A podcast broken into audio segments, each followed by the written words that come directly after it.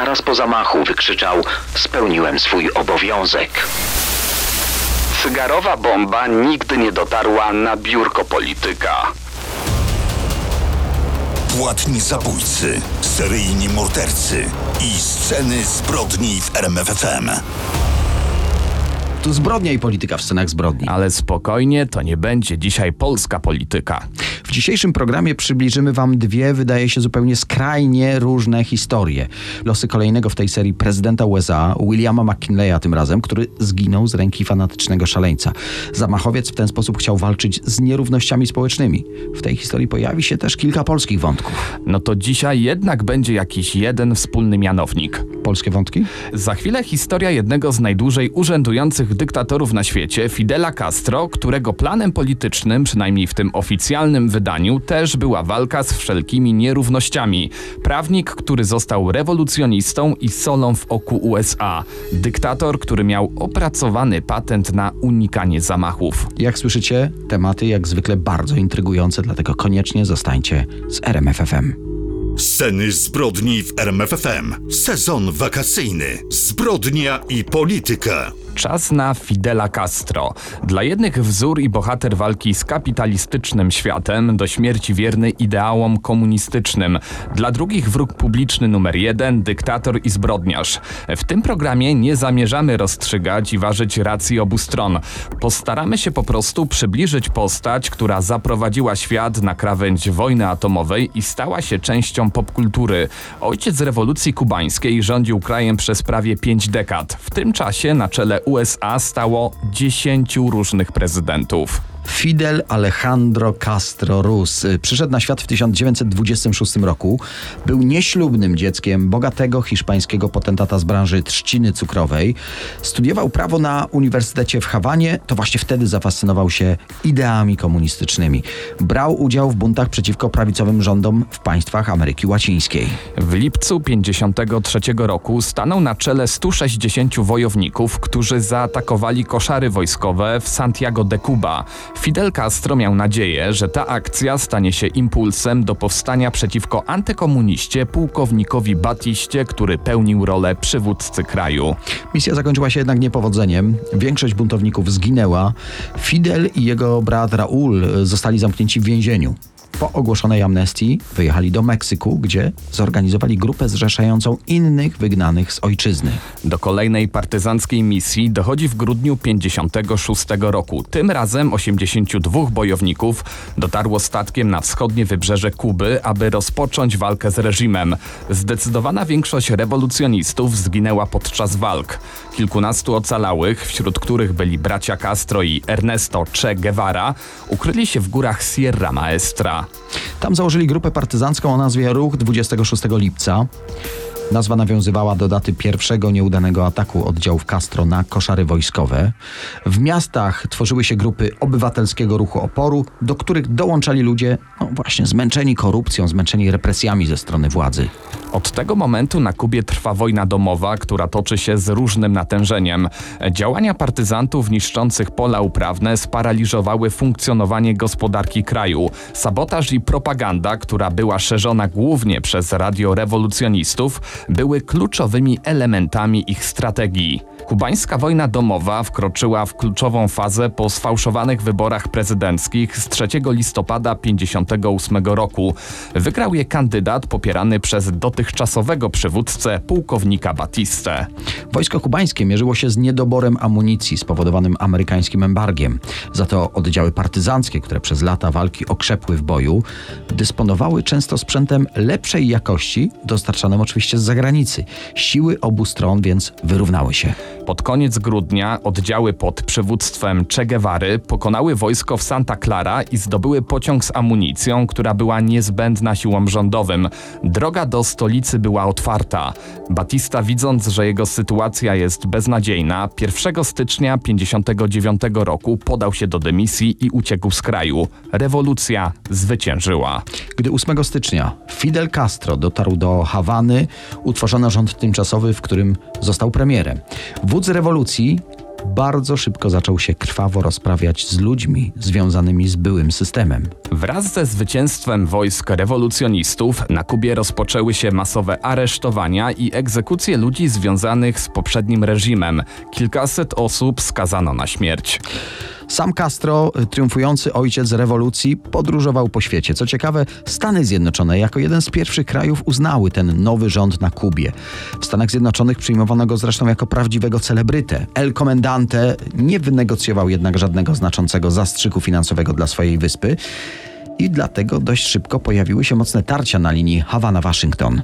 Castro rozpoczął swoje reformy, czyli wywłaszczenia, opodatkowanie obcych przedsiębiorstw. W 1960 roku znacjonalizował wszystkie amerykańskie przedsiębiorstwa, w tym rafinerie ropy naftowej, fabryki i kasyna.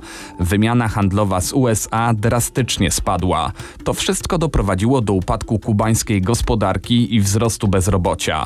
Sytuację pogarszał spadek cen cukru i innych towarów, które były głównymi kubańskimi artykułami eksportowymi. Finalnie w lutym 1960 roku Kuba i Związek Radziecki zawarły pakt handlowy.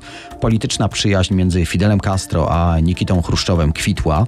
I musimy tutaj jeszcze wspomnieć, że we wrześniu 1960 roku El Comendante zapisał się w Księdze Rekordów Guinnessa. Otóż na forum ONZ wygłosił najdłuższe przemówienie w historii tej organizacji. Trwało ono dokładnie 4 godziny i 29 minut. Ale na krajowym podwórku było jeszcze dłużej. W 2001 roku jego mowa do narodu trwała 7 godzin. El Comendante przemawiałby zapewne jeszcze dłużej, ale zemdlał podczas przemowy. Wróćmy do tej zacieśniającej się więzi między Kubą a ZSRR. To nie uszło oczywiście uwadze Stanów Zjednoczonych. Na początku 1961 roku Waszyngton zerwał stosunki dyplomatyczne z Hawaną, a cztery miesiące później przeprowadzono nieudany amerykański atak na kubańską Zatokę Świń. To właśnie wtedy około 1500 wyszkolonych przez CIA kubańskich uciekinierów dotarło na wybrzeża swojej ojczyzny, aby obalić rządy Castro. Akcja zorganizowana przez amerykańską agencję wywiadowczą zakończyła się kompletną porażką i tylko zaostrzyła konflikt między obu krajami. Tę sytuację postanowiło wykorzystać ZSRR, rozmieszczając rakiety balistyczne, w których zasięgu były amerykańskie miasta. W odpowiedzi na to prezydent USA zarządził kwarantannę morską Kuby. Zapowiedział zniszczenie statków, które będą próbowały złamać linię blokady. Świat stanął na krawędzi wojny nuklearnej. Na szczęście przez ustępstwa z obu stron udało się zażegnać ten kryzys. Kennedy wygrał wojnę nerwów. W taki właśnie sposób El Comendante stał się wrogiem publicznym numer jeden Stanów Zjednoczonych. Rządzący uświadomili sobie, że właśnie ten dyktator Kuby jest zdolny do wszystkiego i nie da się z nim skutecznie negocjować. Dlatego postanowiono go wyeliminować. Determinację CIA do usunięcia Castro można jedynie porównać do późniejszego polowania na Osamę Bin Ladena. Już po 21 opowiemy historię kilkuset nieudanych zamachów na życie Fidela Castro. Kilkuset, podkreślamy, kilkuset nieudanych zamachów. Jak wynika z tajnych dokumentów, które z biegiem lat trafiają do opinii publicznej, decyzja o usunięciu dyktatora Kuby zapadła już za prezydentury Eisenhowera w Stanach Zjednoczonych. Później była kontynuowana przez Kennedy'ego i kolejnych lokatorów Białego Domu. Wiele wskazuje na to, że zamach na El Comendante był częścią fatalnej dla USA inwazji w Zatoce Świń. Ale przejdźmy teraz do pierwszego poważnego spisku na życie dyktatora, w który zaangażowano czołowych amerykańskich gangsterów. Dokładnie Momo Salvatore Giancane i Johna Roselli. Obaj panowie mieli rozległe kontakty w Ameryce Łacińskiej, a wcześniej na Kubie prowadzili bardzo dochodowe interesy. Do historycznego spotkania doszło we wrześniu 1960 roku. Robert Mau, ktoś w rodzaju pośrednika amerykańskiej agencji wywiadowczej, przedstawił wspomnianym gangsterskim bossom ofertę 150 tysięcy dolarów za zlikwidowanie Fidela Castro. Giancana i Roselli odmówili. Jak wskazują akta, powiedzieli, że zrobią to za darmo. Sami mieli z nim rachunki do wyrównania, po tym gdy ten podczas rewolucji pozamykał kontrolowane przez nich kasyna na Hawanie. Dodatkowo za wykonanie misji liczyli na przychylność władzy podczas przyszłych procesów. Do zamachu planowano wykorzystać pigułki z trucizną, które zostaną dodane do jedzenia czy też do napojów Castro. Zaangażowani w spisek przedstawiciele amerykańskiej mafii do przeprowadzenia zamachu wytypowali kubańskie urzędnika będącego blisko Fidela Castro. Jednak te próby zatrucia jedzenia nie przyniosły oczekiwanego skutku. Substancją, którą zamierzano wykorzystać była toksyna botulinowa, czyli inaczej jad kiełbasiany, najsilniejsza znana trucizna działająca na układ nerwowy.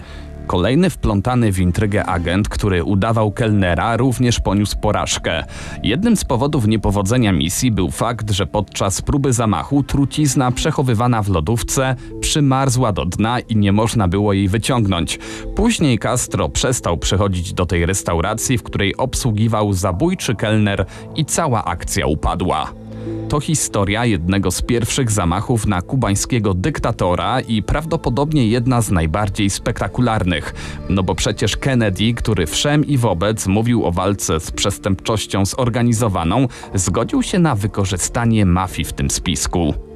Dopaść Castro nie było łatwo. Wyszkolonych pod okiem CIA komandosów wyłapywały wojska ojca rewolucji. Trzeba również przyznać, że El Comandante miał swoją siatkę szpiegowską i miał swoich sympatyków na Florydzie, a z każdym rokiem miał też coraz lepszą ochronę. Fabian Escalante, szef ochrony Fidela Castro, doliczył się 638 prób lub planów zamachów na życie przywódcy Kuby. Dodajmy, że to już po śmierci Johna Fitzgeralda Kennedy'ego zintensyfikowano działania, których celem było zlikwidowanie El Comandante. Wtedy, jak i dzisiaj, wiele osób uważało, że morderca Kennedy'ego, Lee Harvey Oswald, działał na zlecenie Castro. Znalazłem informację, że w dniu, gdy w Dallas zamordowano prezydenta USA, przeprowadzono kolejny zamach na życie kubańskiego przywódcy.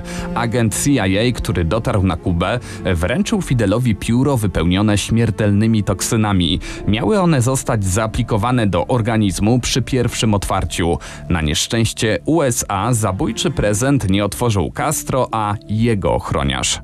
Warto dodać, że Stany Zjednoczone nie tylko planowały zamachy, ale próbowały działać również, e, jakby to powiedzieć, bardziej subtelnie. Studio radiowe, w którym miał przemawiać dyktator, planowano spryskać psychodelicznym narkotykiem LSD. Substancja podczas transmisji na żywo miała wywołać no, dziwne zachowanie Castro i w ten sposób skompromitować go w oczach światowej opinii. Przygotowywano się również do likwidacji nie samego kubańskiego przywódcy, a jego brody. Ta stała się jego symbolem. Mężczyźni na Kubie nosili brodę jak El Comendante. Usunięcie bujnego zarostu miało doprowadzić do zachwiania jego poparcia. Tak więc polowano na brodę nie tyle z nożyczkami, co próbowano narazić ją na działanie toksyn, które doprowadzą do utraty włosów. Kolejny z takich nietypowych pomysłów dotyczył dostarczenia Fidelowi Castro kombinezonu do nurkowania, w którym znajdowały się bakterie gruźlicy. Choroba miała doprowadzić do śmierci dyktatora. Planowano również umieścić mini bomby ukryte w pięknych muszlach na dnie morza, które miały przykuć uwagę przywódcy w czasie jego nurkowania. Planowano również wykorzystać słynne wybuchowe cygaro. Dyktator namiętnie palił, zamierzano więc jego ulubione cygara marki Coiba Esplendidos nafaszerować wybuchową mieszanką. Cygarowa bomba nigdy jednak nie dotarła na biurko komunistycznego polityka, a sam Castro zrezygnował z palenia w 1985 roku. Musimy tutaj zaznaczyć, że zamachy były obliczone w taki sposób, aby po śmierci Castro nie wybuchła bomba nuklearna. Wszystko miało wyglądać na nieszczęśliwy wypadek albo splot okoliczności, w których trudno jednoznacznie wskazać winnego. Dodajmy, że ostatnia znana próba zamachu przypadła na rok 2000 i wizytę El Comendante na Panamie. Pod mównicą, na której miał przemawiać, umieszczono 90 kg materiałów wybuchowych. Bombę wykryła jednak ochrona Castro. Pewny siebie kubański przywódca wygłosił w końcu pamiętną sentencję. Gdyby próby zamachów, które przeżyłem, były dyscypliną olimpijską, zdobyłbym złoty medal. I jest rzeczywiście w tym cytacie wiele prawdy. Po przejściu na polityczną emeryturę dyktator podupadał coraz bardziej na zdrowiu, ale nadal był aktywny, korzystał nawet z Twittera. Fidel Alejandro Castro Ruz zdołał przetrwać wszystkie intrygi na swoje życie. Zmarł w Hawanie 25 listopada 2016 roku w wieku 90 lat. Dodajmy jeszcze, że udał się wtedy w swoją ostatnią podróż po Kubie. Kondukt żałobny z El Comendante przebył w sumie dystans 900 kilometrów. Słuchajcie, no zdajemy sobie sprawę, że jeszcze wiele wątków moglibyśmy poruszyć, jeśli chodzi o zbrodnię i politykę związaną z zamachami na Fidela Castro. No ja mam przed sobą jeszcze listę tych najbardziej nietypowych prób morderstwa Fidela Castro. Co tam masz? No na czele jest wystrzelenie pocisku Panzerfausta w halę sportową, gdzie odbywał się turniej bokserski, na którym był El Comendante. Tutaj też- było tak bez intryg. Był też pistolet ukryty w kamerze telewizyjnej w czasie wywiadu z nim. Była zraniona kochanka, później wyszkolona przez CIA, która miała otruć dyktatora, ale zamiast tego rzuciła się mu w ramiona, tak przynajmniej głosi legenda. Przyznacie, że wiele z tych metod brzmi trochę jak żywcem wziętych ze scenariuszy filmowych o Jamesie Bondzie, prawda? Jeden do jeden Bond. A kto wie, może Bonda pisali na podstawie nieudanych zamachów na Fidela Castro. Jeśli chodzi o Kubę, to już wszystko w tym programie. Daniel Dyk i Kamil Barnowski prezentują Sceny zbrodni w RMFFM. Te wakacje wspominaliśmy już o śmierci Abrahama Lincolna i Johna Fitzgeralda Kennedy'ego. To zdecydowanie najbardziej medialne historie zabójstw prezydentów USA. Jednak w dziejach Stanów Zjednoczonych w sumie były cztery takie przypadki. Tym razem przypomnimy losy trochę zapomnianego Williama McKinleya, 25. prezydenta USA. Przenosimy się w dość zamierzchłe czasy, dokładnie do roku 1843. Wtedy to w stanie Ohio przychodzi na świat William, jeden z dziewięciorga dzieci państwa McKinley. Ojciec jest przemysłowcem, dodajmy, że rodzice są pochodzenia szkocko-irlandzkiego. Już na tym etapie historii pojawi się polski wątek. E, Cała liczna rodzina, szukając lepszego poziomu życia i większych zarobków, przeprowadziła się do wsi, uwaga, o nazwie Poland. Podczas wojny secesyjnej William uzyskał stopień majora. Później ukończył prawo, aż w końcu rozpoczął karierę polityczną. Stawał w obronie strajkujących robotników, reprezentując ich przed sądem i wygrywając procesy. Tym samym zyskał poparcie zwykłych ludzi. Dalsze polityczne losy to wręcz prezydencka klasyka. W 1877 roku wybrany do Izby Reprezentantów, następnie został gubernatorem stanu Ohio. W końcu zyskał nominację republikanów do startu w wyborach prezydenckich, które to wygrał z poparciem ponad 60%. Może nie będziemy zagłębiać się y, tutaj w jego osiągnięcia jako prezydenta, bo był to generalnie bardzo intensywny czas pod względem konfliktów, w które zaangażowane były Stany Zjednoczone. Warto jednak wspomnieć, że McKinley podczas swojej kadencji jako pierwszy amerykański prezydent odbył podróż samochodem i korzystał z telefonu.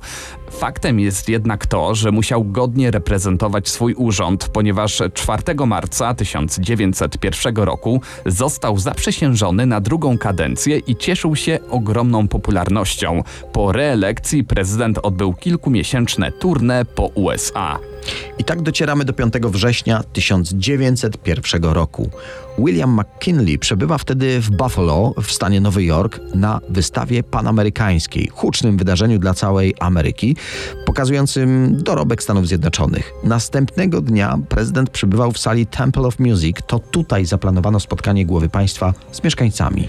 Po południu zaplanowano krótkie wystąpienie, po którym McKinley serdecznie witał się z wiwatującym tłumem. Zresztą ten jego charakterystyczny uścisk dłoni pozostał w polityce. Do dzisiaj nazywa się go uchwytem McKinleya.